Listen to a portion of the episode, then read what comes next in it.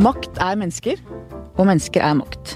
Men makt og innflytelse er ikke alltid knyttet til posisjon. Det kan også knyttes til mot. Islams hus er i brann, sa lege og forfatter Usman Rana. Og så skrev han en bok om norsk islam, hvordan elske Norge og Koranen samtidig. Osman Rana, velkommen hit. Takk. Hva var det fineste du eide som tolvåring? Det fineste jeg som tolvåring, var en uh, sykkel, en Marvel uh, Himalaya, som jeg var veldig, veldig stolt av. Uh, pappaen min har alltid likt kvalitetsting.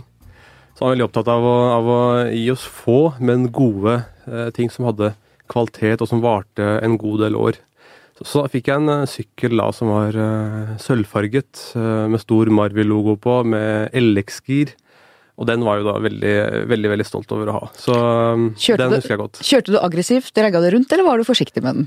Nei, jeg trodde jo at jeg var en uh, flink mountainbike-sjåfør. Så der, der, vi bodde utenfor uh, Tønsberg i Husvikåsen, så var det en liten skog. og Der pleide jeg og broren min og et par venner å sykle rundt i skogterrenget, da. Og da trodde vi var tøffe syklister. Men uh, sykkelinteressen har dabbet formidabelt av etter hvert. Du vokste opp, som du sa, i Tønsberg. Eh, det var ikke så mange med minoritetsbakgrunn der hvor du bodde? Det var nesten ingen. Eh, jeg var lenge den eneste i min eh, klasse, og også på skolen var det veldig få. Og det var regelen også da jeg gikk på videregående, nærmere Tønsberg sentrum. Så jeg var en av de aller, aller få. Jeg hadde da selvsagt litt mørkere hud, svart hår og en sterk muslimsk tro, så skilte meg ut. Samtidig så syns jeg at det var uh, alltid veldig akseptert i miljøet. Jeg hadde etnisk norske venner uh, som fortsatt har uh, en del gode samtaler med innimellom. Vi har hatt Hadia Tajik her tidligere. Hun vokste også opp som en av få med minoritetsbakgrunn. Hun sier at hun badet i det norske.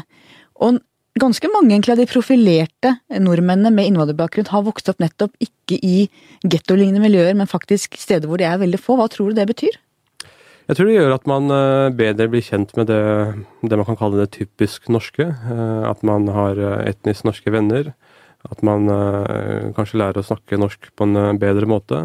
At man deltar i kanskje litt mer typisk norske sammenhenger. At man får deltatt i bursdagsfester sammen med etniske nordmenn, selv om da jeg alltid fikk servert vegetarretter, siden jeg ikke spiste kjøtt som ikke var slaktet på rituelt vis. Um, så, så, jeg eh, føler at det var en eh, styrke.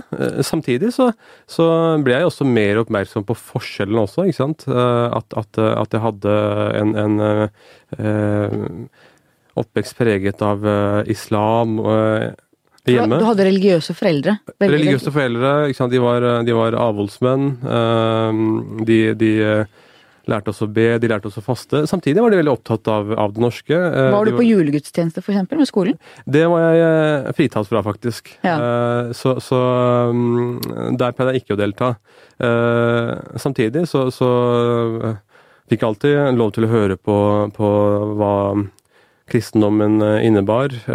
Og på den tiden, jeg var jo jeg er født i 1985, så, så var det jo vanlig at man ba Fader vår i klasserommet på morgenen, eh, og man reiste seg opp og sto ved siden av pulten. Eh, jeg måtte ikke eh, be Fader vår, men jeg måtte stå ved siden av pulten min. Og du kan den utenat, da? Jeg kan kanskje nesten utenat.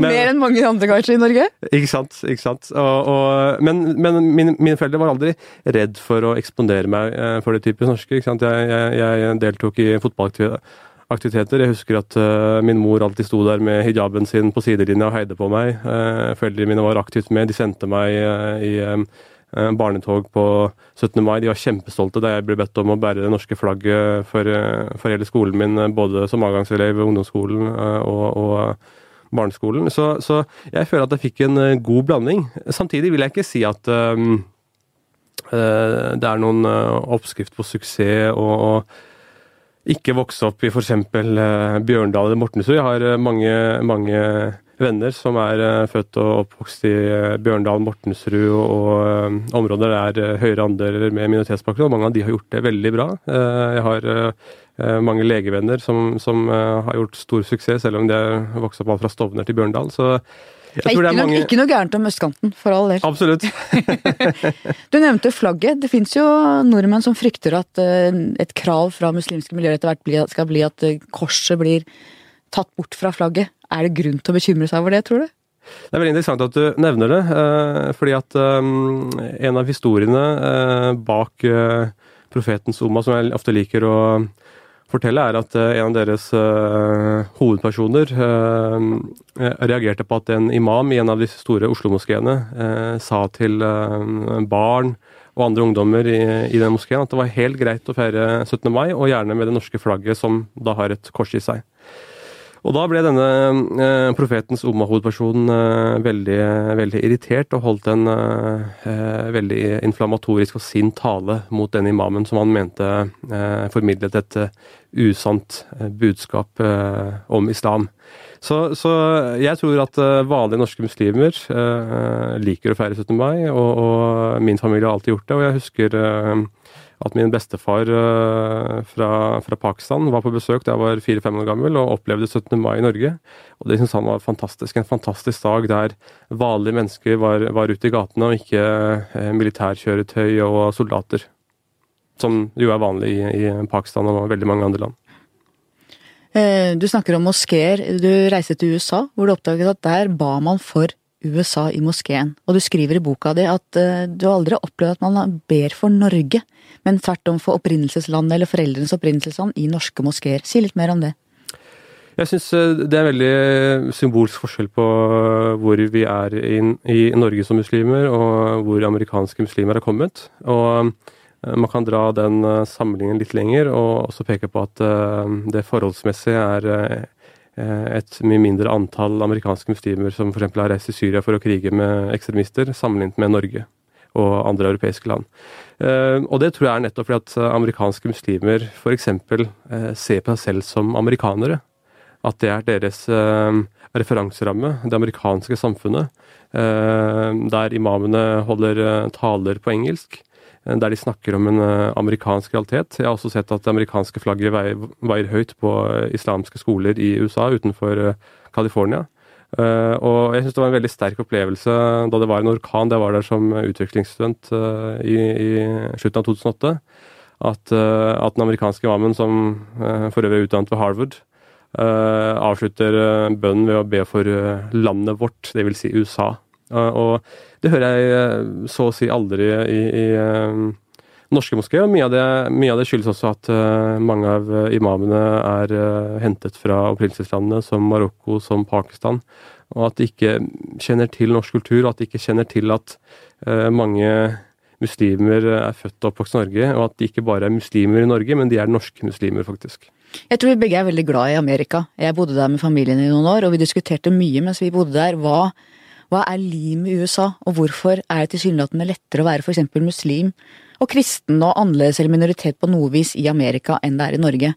Eh, det vi kanskje konkluderte med, var at det er en idé, freedom and justice for all, eh, at man samles rundt den amerikanske identiteten, og at den er først. Mens muslimer i Norge, som du også skriver om din bok, er muslimer først, deretter nordmenn.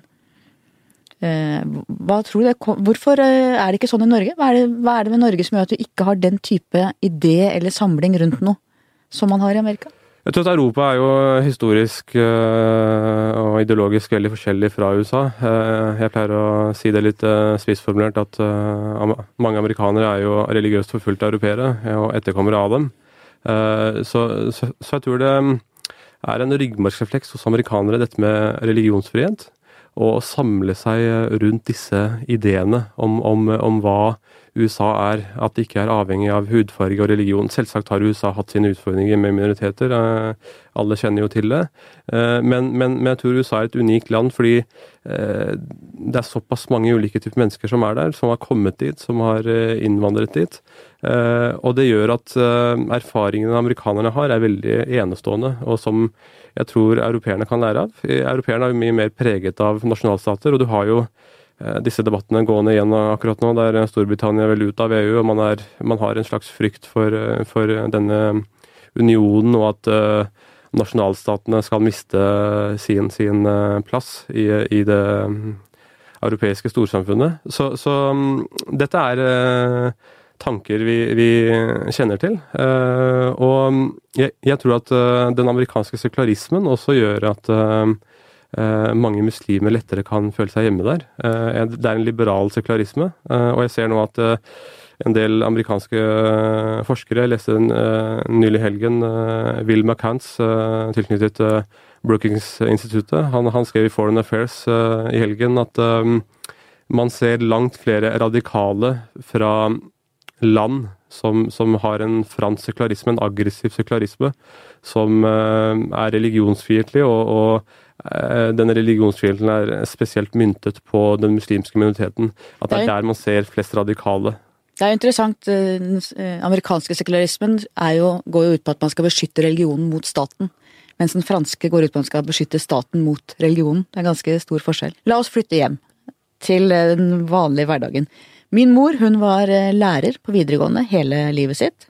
Hun hadde veldig mange hardtarbeidende elever med minoritetsbakgrunn, særlig jenter, som var veldig flinke i matte, i språk, men når det kom til drøftingsoppgaver, pro et kontra, så kom de veldig smarte elevene ofte til kort. Er du enig i at det av og til er sånn, og hvorfor tror du det i så fall er det? Jeg tror at uh, Europa har en veldig viktig tradisjon hva gjelder uh, kritisk tenkning. Uh, og det er kanskje en tradisjon en del muslimske kulturer har mistet. Og, jeg vil vektlegge mistet, fordi at jeg tror mange muslimske filosofer har hatt stor påvirkning på, på europeisk opplysningstid. Uh, F.eks. Ibn Rushd og en del andre. Så, så, og det må ses i sammenheng med at store deler av den muslimske verden har mistet uh, universiteter, de har mistet læresteder. Uh, kolonitiden har gjort at, at, at de har mistet mye av sin akademiske kultur. Men er det bare kolonitiden? Hvis du nei, ser på ottomanske altså, rike som bare forfalt og ble Europas syke det, det, kan man si. Sam, samtidig så har jo ottomanske riket også bidratt til mye positivt i, i, i Europa, også den muslimske sivilisasjonen i Sør-Spania, som f.eks. vektla religionsfrihet for, for jøder, og det er, det er, mange forfulgte europeiske jøder utvandret til både det ottomanske riket og, og uh, muslimene i Sør-Spania. Så, så, jeg vil si at uh, muslimene har mistet det, men det er absolutt ikke min, min mening å si at uh, kolonitiden har, er hele, hele, årsaken. men, men muslimene har mistet en del av eh, den uh, kritiske tenkningen, og, og, og, eh, mistet mye av den tradisjonen det var for å diskutere, for å, for å vektlegge vitenskap, astronomi. Så muslimer må, må, må, se tilbake til den tiden, men ikke bare se tilbake til den, men børste støv av den tradisjonen også se på at en del av årsaken til at Europa har kommet såpass langt, er nettopp eh, kritisk tenkning. Og, og, og, jeg nevner jo nettopp en, en, en eh, slik episode ved Zaytuna College i California, der eh, en av de eh, tunge islamske lærde, Hamda Yusuf, eh, som jeg henter min inspirasjon fra, han eh, leser et dikt fra en amerikansk dikter, et ikke-religiøst dikt. foran sine studenter, så, så, så, leser han opp det og ber studentene tolke dette diktet. Og når det, når det kommer frem mange ulike tolkninger, så sier han at det er nettopp poenget mitt. At en tekst kan leses på så mange ulike måter, og kan forstås på mange, mange ulike måter. Og, og, og at eh, nettopp denne kritiske tolkningen av en tekst er kjempeviktig, også innenfor islam. Og det du jo blant annet tar opp, er jo at veldig mange uh, unge nordmenn med minoritetsbakgrunn studerer for å bli lege, ingeniør, advokat, og du sier hvorfor tar de ikke mer humaniora, filosofi, de myke fagene? Fordi at den type fag setter tanken fri. Kan du si litt mer om det? Hvorfor, hvorfor, er det så viktig for mennesker med din bakgrunn å ta de, hva skal de tekniske, litt sånn firkanta fagene? Jeg tror det har litt med, litt med at uh, foreldrene våre hadde hadde veldig stor ambisjon for oss. De, de, de uh, savnet det å få en god utdannelse, f.eks. da de utvandret fra Midtøsten eller India og Pakistan. Og deres store drøm var at uh, barna deres skulle komme inn i statusyrker, få en god lønn og lykkes som, som borgere av Europa. Og det har de jo eh, Det vil jeg si mange av disse foreldrene har eh, lykkes med. ikke sant? Så mange, mange, mange har blitt leger, mange har blitt ingeniører, mange har blitt advokater. Uh, nå vil jeg si at juss kanskje er et bedre studium også, fordi det Det er for og mot. Kan, for og, ja, men men, men jusstudiet gir større anledning til å tenke, til å drøfte, til å diskutere. Mens ingeniøryrket, tannlegeyrket og legeyrket er jo, det er jo realfag. ikke sant? Der det, er kanskje én sannhet. Forskningen sier at sånn skal du operere et menneske, eh, sånn skal du behandle et menneske. Det, det, det eksisterer sterke retningslinjer på hvordan man skal uh, møte pasienten. Og det gjør at uh, tankene ikke settes uh, så, så, mye fri. Og, og, og, og, det savner jeg at muslimer, og jeg håper at de neste generasjonene muslimer i Norge virkelig heller Eh, studere statsvitenskap, religionshistorie, Midtøsten-studier, eh, filosofi. Dette er kjempeviktig for å utvikle en, eh, en, en norsk islamsk kultur. Og, og, det ser jeg nettopp amerikanske muslimer er veldig opptatt av. At, at man trenger langt flere journalister og statsvitere og religionsvitere istedenfor uh, bare leger. Jeg, det har skjedd mye med deg òg. Jeg tenker vi møttes første gang i 2008. Hvem var du da, og hva har skjedd siden det? Jeg tror veldig mye av tankene mine om eh, norsk islam begynte å melde seg uh, tidlig i, i uh, 2008-2009.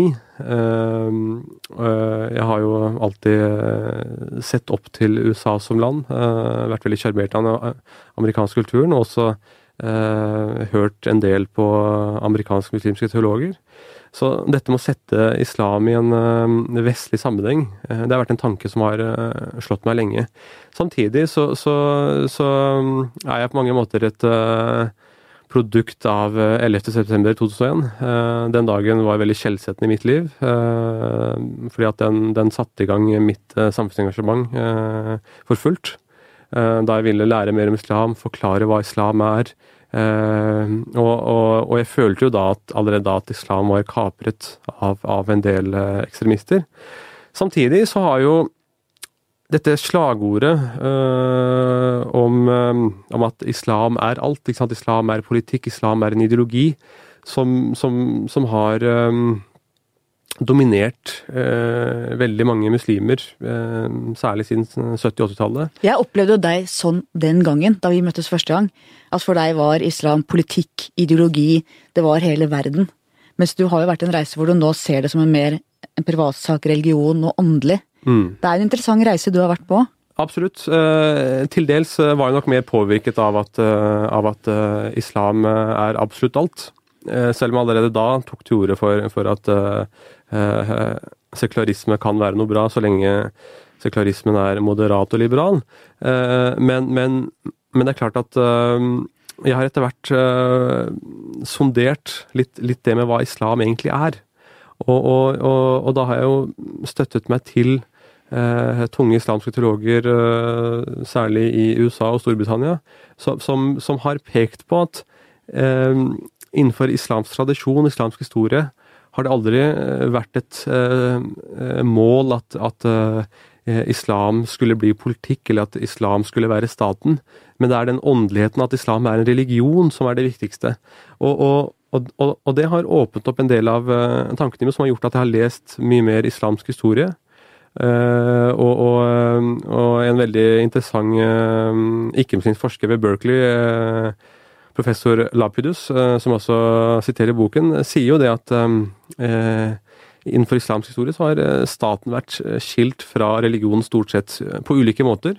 Men stort sett vært, vært skilt fra staten. Men, mens i dag så hører du ofte slagordet at uh, vi må opprette en islamsk stat, at det liksom skal være målet for, for islam. Og, og, og, du ser mange unge muslimer som, som lever i en uh, utopisk fantasi om at målet med det å være en god muslim er å opprette en islamsk stat og opprette et kalifat. Og, og, der tror jeg mange unge muslimer mister sin åndelighet, mister religionen. Men, mens, mens, mens de reduserer islam til en eh, størrelse med et sett med lover og regler og politikk. Men du sier også at du skriver i boka di det vil være urokkelig innen norsk islam at Koranen er Guds direkte ord, og at profeten Muhammed er ufeilbarlig. Setter ikke det nær umulige stengsler for tolkninger og modernisering? Absolutt ikke. Absolutt ikke. Uh, og, og um, dette med at uh, Koranen er Guds ord, uh, og at profeten har et såpass høy status innenfor islam, er jo de to kjerneprinsippene innenfor islam. Og Hvis man rokker ved det, så, så, så har man på en måte meldt seg ut uh, av, av islamdiskusjonen. og Der finner man jo mennesker som ikke sant, Ayan Hirsiali og, og Wafa Sultan og en del andre som eh, på utsiden og, og, blant vestlige intellektuelle fremstår som sant, helter som skal redde islam, men, men, men, blant muslimer har de jo ingen troverdighet, for de snakker ikke innenfor islams rammer. Så, så men er det rom for tvil innenfor islam? Altså, kristne tviler, jøder tviler jo veldig. Jeg tror veldig mange muslimer eh, kan, kan føle på tvil. Men er det og, lov? Altså, eh, jeg tror at tro er noe veldig intimt. Og, og, og, og, det er ikke alltid man kan eh, styre hva man føler eller hva man tenker. Men, men, men, så hører jeg mange muslimer som tviler seg frem til en sterkere tro. Og det tror jeg er, er, er noe man skal huske på, at, at tvil også kan, kan, føre til en sterkere tro. Og at tro er noe som er såpass intimt at, at, man kan ikke alltid styre hva man tenker om troen, hva man tenker om Gud. Men, men så, så, tror jeg nettopp at det å praktisere islam, f.eks. det å be fem ganger om dagen, det, det hjelper å vedlikeholde troen. Men, men øh, litt øh, tilbake til øh, dette spørsmålet ditt om, om, det med å se på Koranen som Guds ord direkte og profeten som uforvarlig. Hva betyr det? Jeg tror at eh, en del misforstår at, at eh, det betyr at islam eh, som religion er statisk. At det ikke er noen dynamikk i islam. Men både Guds ord må tolkes, og også profetens liv må tolkes. Den må settes i en kontekst. Og det, og det, og det har det vært uh, stort rom for innenfor islamtradisjon. Uh, innenfor det jeg kaller mainstream islam, så har det vært mange uenigheter om, uh, om ulike spørsmål.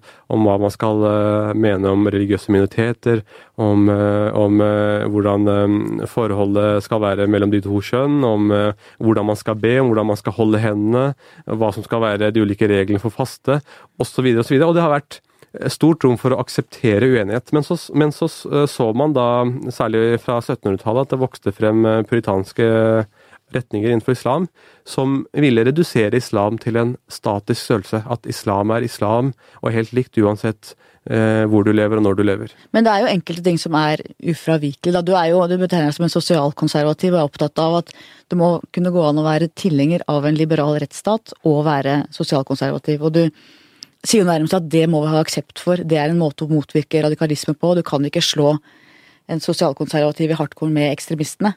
Så du blir på en måte litt sånn en, eh, en KrF-er. Som også er ikke sant? Du minner litt om en gammel grandtante av meg som bodde på, i Stavanger. Hun var en av Norges første kvinnelige teologer, men ble ikke prest. Hun var mot kvinnelige prester. Riktig. Eh, så jeg har det i meg. Men men poenget er at du, du, mener at du må kunne ha den type konservative synspunkter, men allikevel si at vi lever i et demokrati. Du vil f.eks. ikke utfordre Du aksepterer ekteskapsloven, homofilt samliv. Du sier at homofile har en plass i den islamske folden, eh, men det er ikke i tråd med islamsk eh, lovgivning å være homofil, men de skal ikke, du vil bekjempe homofobi. Det er en ganske interessante tone. Det er ikke så ofte jeg har hørt det fra, Nei, det, fra sterkt troende muslimer i Norge. Ikke sant. Og, og, og jeg tror at øh, et av hovedbudskapene mine i boken, øh, og hvordan man skal skape norsk islam, der er kjernebudskapet at øh, norske muslimer må gjerne, må gjerne, være religiøst konservative, de må, være, de må gjerne være sosialt konservative, men de må samtidig være politisk liberale. Så det er også en utfordring til norske muslimer at de må slutte å drømme om denne utopiske fantasien om en islamstat. Og jeg prøver å vise i boken at, at, det er en utopisk fantasi som ikke nødvendigvis har et grunnlag innenfor islam. Og, og, og jeg viser også til uh, tunge amerikanske teologer som, uh, som, er konservative og ortodokse, men som sier at de ikke vil motarbeide den uh, kjønnsnøtt, at, at det nå er tillatt for homofile og lesbiske å gifte seg i USA. Fordi de mener at staten ikke trenger å styre uh, folks moral eller hva de, gjør på, uh, hva de gjør i soverommene sine. Og Det tror jeg noe, er noe vi må hente til Norge også blant norske muslimer. Og det tror jeg er, uh, kan virke veldig avradikaliserende, for jeg tror at en del unge muslimers utfordring med å akseptere norske del av identiteten, er at de hele tiden tenker at ja, men norske staten og norske demokrati er jo ikke helt i tråd med islam. Se, de tillater jo homofile å gifte seg, de, de, de, de tillater jo at folk drikker alkohol. Men, men, men, så er min utfordring tilbake at den norske staten tillater jo muslimer å praktisere islam også, og de tillater eh, norske muslimer å velge. Er, selv om det er tillatt for homofile å gifte seg, så er det ikke nødvendigvis noen som tvinger homofile til å gifte seg. Det er ingen som tvinger unge muslimer til å drikke alkohol. Ja, Du er tydelig på at ytringsfrihet og religionsfrihet henger sammen. Du er også veldig tydelig på at det er synd eh, med sex før ekteskapet. Man skal ikke drikke alkohol. Homofil praksis er synd. Er det plass til liberale muslimer innenfor ditt norske islam? Det er uh, stor uh, plass til dem. Uh, jeg har selv hatt et godt forhold til, til de, det som kalles, de som kalles muslimske dissidenter i Norge. F.eks. Amal Aden, som jeg senest møtte på en kafé i Fredrikstad for noen måneder siden. Og jeg har et forhold til henne som er bygget på respekt og, og, og tillit. Jeg hadde også et utmerket godt forhold til Sara Asmer Rasmussen. Uh, som dessverre har blitt borte fra den norske islamdebatten. De vi snakker om her, er Amal Aden, som er åpent lesbisk uh, somalsk-norsk uh, kvinne. Og Sara Rasmussen, som er syrisk flyktning og også har hatt ulike identiteter. Ikke sant. Og, og, og, poenget mitt med å nevne dem er at jeg er selvsagt uenig med dem om, om, om, hva islam skal være, og hvordan islam er, og hvordan man skal for, forstå islam. Men jeg tror det er kjempeviktig at uh, innenfor norsk islam så må, det, så må, det, være rom for diskusjon. Det må være rom for eh, mennesker som tenker annerledes. Og, og eh, jeg syns det er veldig fint med diskusjoner. Jeg har også satt pris på diskusjoner med Silo Taraku, som tidligere var i, i liberale LIM. Fordi jeg har, det, det, jeg har likt med, med, de tre jeg har nevnt nå, er at de alle respekterer den liberale rettsstaten, akkurat som meg, men kanskje med et motsatt fortegn personlig. Og, og, og, det skal det være rom for innenfor norsk islam å respektere eh, andres meninger. Samtidig så tror jeg at eh, Eh, det som virkelig kan være med på å skape et norsk islam, er at man snakker innenfor islams rammer. At man, at man respekterer den uh, islamske tradisjonen. Og, og, der står jeg ikke alene. Eh, jeg har også vært uh, uenig med, med, en skikkelse som Ed Hussein, som uh, har skrevet boken 'Islamisten' i England. Som, tidligere ekstremist som tidligere nå bekjemper ja. radikal islamisme. Ja, og, og, og han var nylig med på, på, på, en religiøs erklæring mot ISIL-lederen al-Baghdadi. Eh, og denne erklæringen var bygget på islamske hellige tekster. Og, han eh, signerte den sammen med konservative lærde. Men så skrev han da på Twitter at eh, hvis vi forkaster vår religiøse tradisjon, har vi ingen gode argumenter igjen. Og, og, og, så du snakker, en, du snakker, om en, endring innenfor det muslimske og islamske rammeverket. Du tar også i boka di et oppgjør med norske muslimske miljøer. Du kaller dem et sted for trangsynte, eller at de har et trangsynt perspektiv.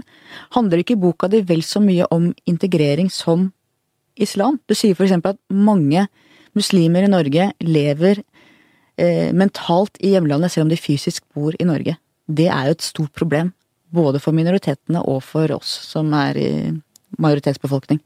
Helt klart. Det handler, det handler eh, mye om eh, integrering. Eh, samtidig så, så, er jeg veldig opptatt av å se litt bort fra dette begrepet integrering og, og, og gå litt forbi det, og heller snakke om at uh, norske muslimer må, må, bidra til Norge, og bli spurt om å bidra på lik linje med andre nordmenn. Jeg hører du si norske muslimer. Jeg har en kjepphest her i VG som jeg prøver å få gjennomført konsekvent. Vi skal snakke om muslimske nordmenn ikke norske muslimer. Og vi skal snakke om pakistaner-nordmenn, ikke norskpakistanere, fordi at en nordmann er etternavnet. Mm. Muslimske nordmenn, jødiske nordmenn, kristne nordmenn. Det må bli etternavnet at vi alle er nordmenn. Jeg skrev en kommentar for en stund som jeg kalte 'Norge for nordmenn'. Hvor poenget mitt nettopp var at vi må se hverandre som nordmenn og medborgere. Ellers så går ikke dette bra. Absolutt. Jeg, jeg, jeg tror vi er enige om akkurat det. Uh, men jeg tror vi kanskje mm, ja, Det er en liten uh, uh, nyanse her da, som, som, jeg er veldig opptatt av at uh, man skal slutte å snakke om islam i Norge, og slutte å snakke om muslimer i Norge, men heller da f.eks. som du sier, snakke om eh, muslimske nordmenn eller norske muslimer. fordi da, da er man mye, mye, tydeligere på at dette er nordmenn man eh, snakker om. Og, og, nettopp derfor mener jeg at, at norske muslimer heller må bli spurt om å bidra. også av storsamfunnet, men også at de selv må tenke at de må bidra. Integrering føler jeg ofte at um, er med på å, å eh, outsource ansvaret til politikerne. At det hele tiden gjøres om til et politisk ansvar. At, Erna Solberg snakker om hverdagsintegrering, at vi alle har et ansvar hele tiden, egentlig. Du har jo et godt integreringsforslag i boka di. Snakker, mange er jo opptatt av dette med delt svømmeundervisning, som de er mot. Så sier du at man kan man ikke bare tillate litt mer tildekkende svømmedrakter for jentene, så kan de bade sammen. Det har jeg heller ikke hørt så mange sterkt troende muslimer si tidligere.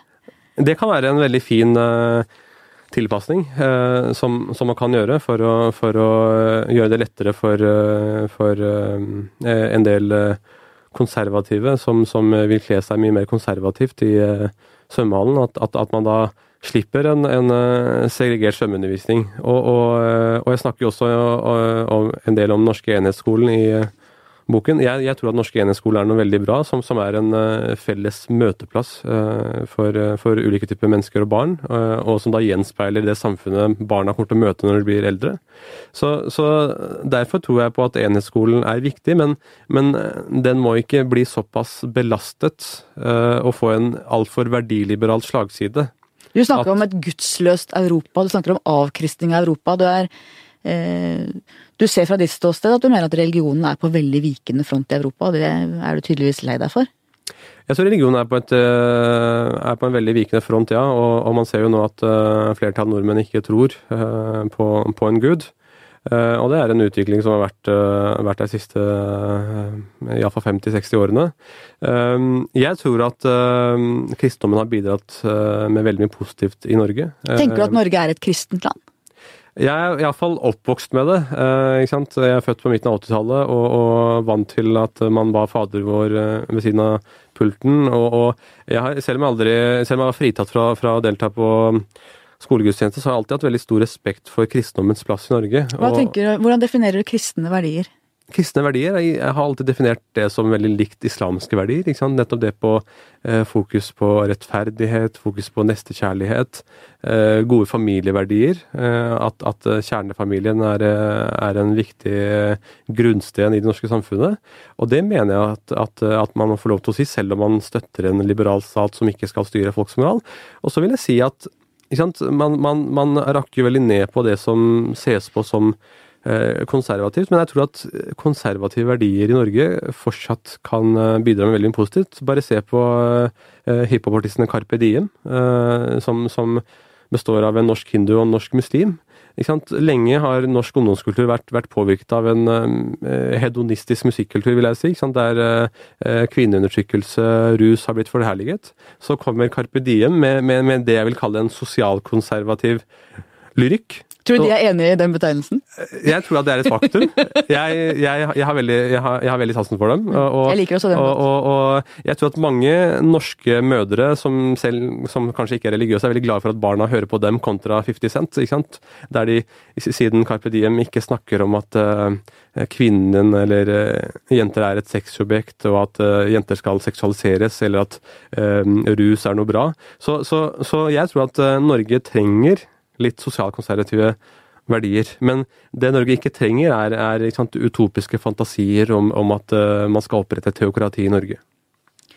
Eh, jeg meldte meg til statskirken da jeg var 17-18 eh, år. Jeg ventet til farmoren min ikke var der lenger, for hun hadde blitt veldig lei seg. Men det skjedde jo ingenting med meg. ikke sant? Det var ikke noen reaksjoner eller konsekvenser eller Mens innenfor islam så har det jo faktisk dødsstraff for frafall fra religionen det er vanskelig å, å forstå rasjonalet bak det. Det skjønner jeg veldig godt. Uh, det er umulig. Og, det er umulig å forstå. Og, og, og jeg uh, skriver relativt mye om, om, dette med frafall eller apostasi uh, innenfor islam. og det er som du sier passasjer i islams hellige tekster som, som åpner for straff. Og, og, dette har vært vanskelig for, for muslimske intellektuelle å forklare. Og, og For da er vi tilbake til Koranen som selve åpenbaringen og Guds ord, ikke sant. Og du har, jeg har diskutert dette med flere, blant annet med en som du fremholder, Tariq, Tariq Ramadan, da han var mm. i Norge for noen år siden. Han har fått mm. veldig mye kritikk for at han ikke klarer ordentlig å ta avstand fra steining for utroskap. Og han sier da at nei, men det står jo veldig tydelig foreskrevet at det må være minst fire vitner, mm. det må være tatt i under akten, osv., osv. Så, videre, og så, mm. så han klarer ikke å si at nei, det mm. er feil. Mm. Og det er mitt spørsmål til deg, hvor hva Du snakker jo også om bevisbyrde mm. rundt de straffene i din bok. Mm. Men kan du nå si her at det er feil å steine for utroskap, selv dersom disse kriteriene skulle vært til stede? Jeg tror at uh, det er veldig viktig igjen inn, å snakke innenfor, innenfor islams rammer. Og, og, jeg kan forstå behovet mange vestlige intellektuelle, sant, som, som, du også er, og, og, å få eh, muslimske talsmenn til å, til å på en måte eh, si at de, de, de syns det og det er feil. Men jeg tror det igjen er viktig eh, å snakke innenfor islam sammen for at man skal ha troverdighet for å utvikle islam og være med på en utvikling av islam som samtidig respekterer tradisjonen. Og at man ikke, ikke, ikke gjør som Mayan Irsiali og, og, og, da måte eh, faller utenfor troen og er med på å blidgjøre vestlige intellektuelle, men, men ikke er med på å være med på å, å utvikle islam innenfra. Så, så, det betyr at det er vanskelig for deg, selv dersom du skulle mene at det er feil, så er det vanskelig for deg å si det, for da mister du en troverdighet? Jeg tror det er viktig å si at uh, islam uh, trenger en utvikling på det området. Og at uh, disse straffene, og jeg snakker mye om dem i, i boken. Eh, apostasi har det kommet veldig mange nye tanker om. eh, både, både, fra Hamza Yusuf og en som heter Taha Jabir al-Alwani, som argumenterer eh, innenfor tradisjonen for at straff og frafall er, er, er, feil og ikke i tråd med islam. Og, og, og at det, dette er noe man, man, man, må gå bort ifra. Og viser også til at islamske lærde tidligere i historien også har gått bort fra det. Så, så, så, så, der er de relativt tydelige. Og også når de snakker om uh, andre typer straffer, eh, som, som for, uh, for utenomekteskapelig sex, så, er de også veldig tydelige på at uh, disse egentlig ikke gjelder, men at disse er nevnt Men egentlig er det et nektelsesord, vet du. Jeg kjenner når vi snakker om dette, så bare kjenner jeg at pulsen min går opp. For at jeg, jeg klarer ikke å akseptere at det skal være noe man i det hele tatt tenker teoretisk rundt at skal straffes. Eller tenker at dersom XXY er fullført, så skal det være en sånn straff. Jeg vet, jeg, jeg skjønner ikke at det kan være innenfor en religion. Jeg tror at uh, man husker på at uh, det, det, er ikke unikt for islam. ikke? Slike, slike passasjer i de hele tekstene de, de finnes uh, innenfor Bibelen også. Ja, Gammeltestamentet, men der kom det en ny kontrakt med Det nye testamentet, så det ble likevel, en ny fortelling. Men, men, men, men, det er jo mange som opprettholder det, ikke sant? Og, og, og det, er jo, som, og det er ingen som opprettholder steining for utroskap i den kristne verden. Men, de står der i de hele tekstene. Jo, men det er ingen som sier at de skal gjelde. Og så har man da tolket seg bort fra det, ikke sant? Og at man, man har Nettopp. Og, og, og, og, det er det jeg, jeg etterlyser. At man, at man bidrar til en, en, eh, til en, tolkning innenfor islam. Og, det har man mye rom for, der man ser at uh, uh, f.eks.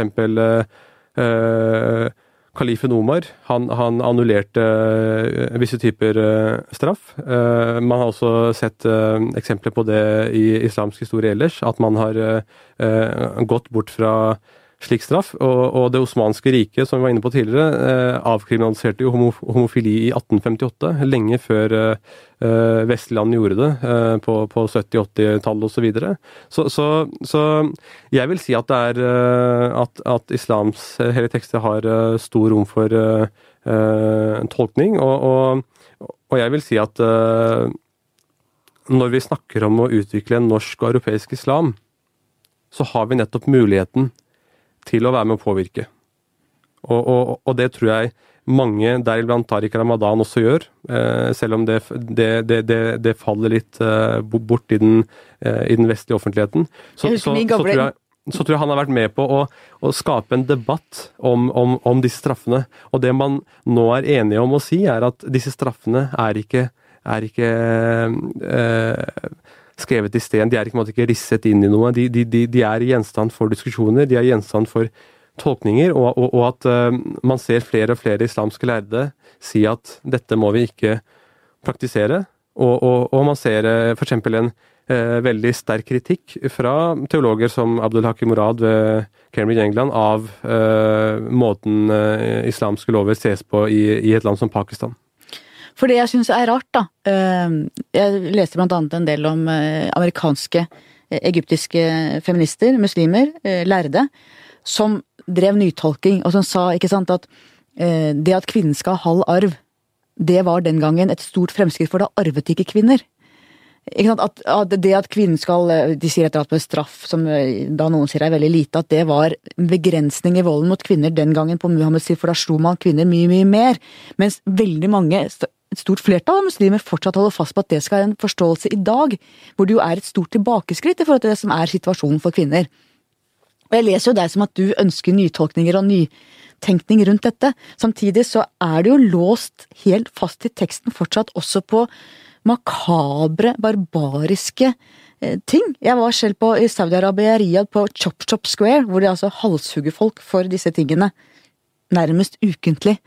Det er jo, i vår tid er jo det barbarisk. Og jeg synes det, er, det jeg syns er vanskelig å forstå, da, er at det ikke går an å løsrive seg fra den teksten, for at den teksten er gudegitt. Det er jo vanskelig å komme rundt. Jeg, jeg, tror ikke det er vanskelig å komme rundt det, når man har sett uh, historiske eksempler uh, innenfor islamske situasjoner der man uh, ikke har praktisert disse passasjene. Og, og jeg, jeg, er på, måte i, på ingen måte låst til, til, disse straffene. Jeg, jeg, ser veldig kritisk på, på, på, på at de praktiseres i mange land, og, og, og, jeg tar jo veldig tydelig til orde for at, eh, at eh, europeisk og norsk islam kan fungere som et forbilde, der man sant, nettopp legger et skille mellom uh, personlig praksis av tro og, og, og, og hva staten skal, skal mene om uh, religion. Så, så, du skiller religion og politikk, faktisk, som mange Jeg gjør det. jeg gjør det. Ja. Og, så, så, der tror jeg at europeisk og norsk islam uh, har absolutt ingen rom for, for, for, disse straffene, ikke sant? Og da blir mitt neste Men, spørsmål til deg. Ville du, mener du det samme dersom du hadde levd i et muslimsk samfunn hvor det var islamske lover? Altså er dine prinsipper rundt dette universelle? Overalt i verden? Mine prinsipper rundt dette er uh, veldig universelle, for jeg tror at, uh, at, uh, at, det er mye urettferdighet i muslimske land. Og, og, man ser store utfordringer i, i, mange, i veldig mange muslimske land. Og så vil jeg advare veldig mot å tro at land som Saudi-Arabia og Iran er veldig islamske land. Nå viser jeg til forskning ved Georgetown University som, som, peker på at nettopp vestlige land og vesteuropeiske land som Norge, Sverige, Storbritannia og Irland er de mest islamske landene. Her har man veldig, veldig, mange muslimer, og, og, og, kanskje Saudi-Arabia er den fremste eksponenten, har jo mistet uh, fokuset på, på, på, hva islam er. De har vektlagt disse straffene, uh, som jeg mener at man må uh, se annerledes på. universelt. Uh, det er møkkaregimer? Altså det er, det, er, det er, veldig høyst problematiske regimer uh, som, som uh, har veldig mye lære av vestlige land. som f.eks. Norge, der det er stor vekt på rettferdighet, det er lite korrupsjon, de svake er ivaretatt, og det er stor grad av religionsfrihet. Så, så jeg, jeg, tror det er viktig for, for lytterne å forstå at at uh, grunnen til at det er såpass viktig uh, å snakke innenfor islams rammer, er at det finnes muslimske masser der ute som må være med på dette her. Man kan sitte veldig fint og ta, sitte her og ta avstand fra både det ene og det andre, men det er veldig viktig at man får med seg de muslimske massene. Man har akkurat nå i Pakistan uh, en beleiret hovedstad som, som, støtter en, en drapsmann. en, en, en jeg vil kalle terrorist, som har eh, drept en eh, guvernør som, som, bare ville diskutere eh, blasfemiparagrafen i Pakistan. Så, så, så, så, dette her er, er prosesser som, som, som, tar tid. Men jeg tror at hvis man respekterer eh, tradisjonen, og, og, og, at man eh, ser på at det tidligere tradisjonen var stort rom for uenighet, og nå skulle man tro at det ikke var rom for uenighet. Så det med å respektere tradisjonen betyr ikke at man er låst. Det betyr at man snakker innenfor tradisjonens rammer, at man børster støv av, av eh, gamle eh, måter å diskutere på. Fordi det var eh, stor uenighet om ting. Eh, F.eks. dette med kvinnelige bønnledere som kunne eh, lede både kvinner og menn i bønn. Det var eh, diskutert i middelalderen innenfor islam, ikke sant? mens nå vekket det sterke reaksjoner da, da, da en kvinne ville lede eh, muslimske menn i, i bønn i USA. Så, så jeg, jeg, jeg, anerkjenner at det fortsatt er kontroversielt, og det vil være det innenfor norsk islam, f.eks. at uh, uh, kvinner leder både menn, menn og kvinner i, i en uh, felles bønn.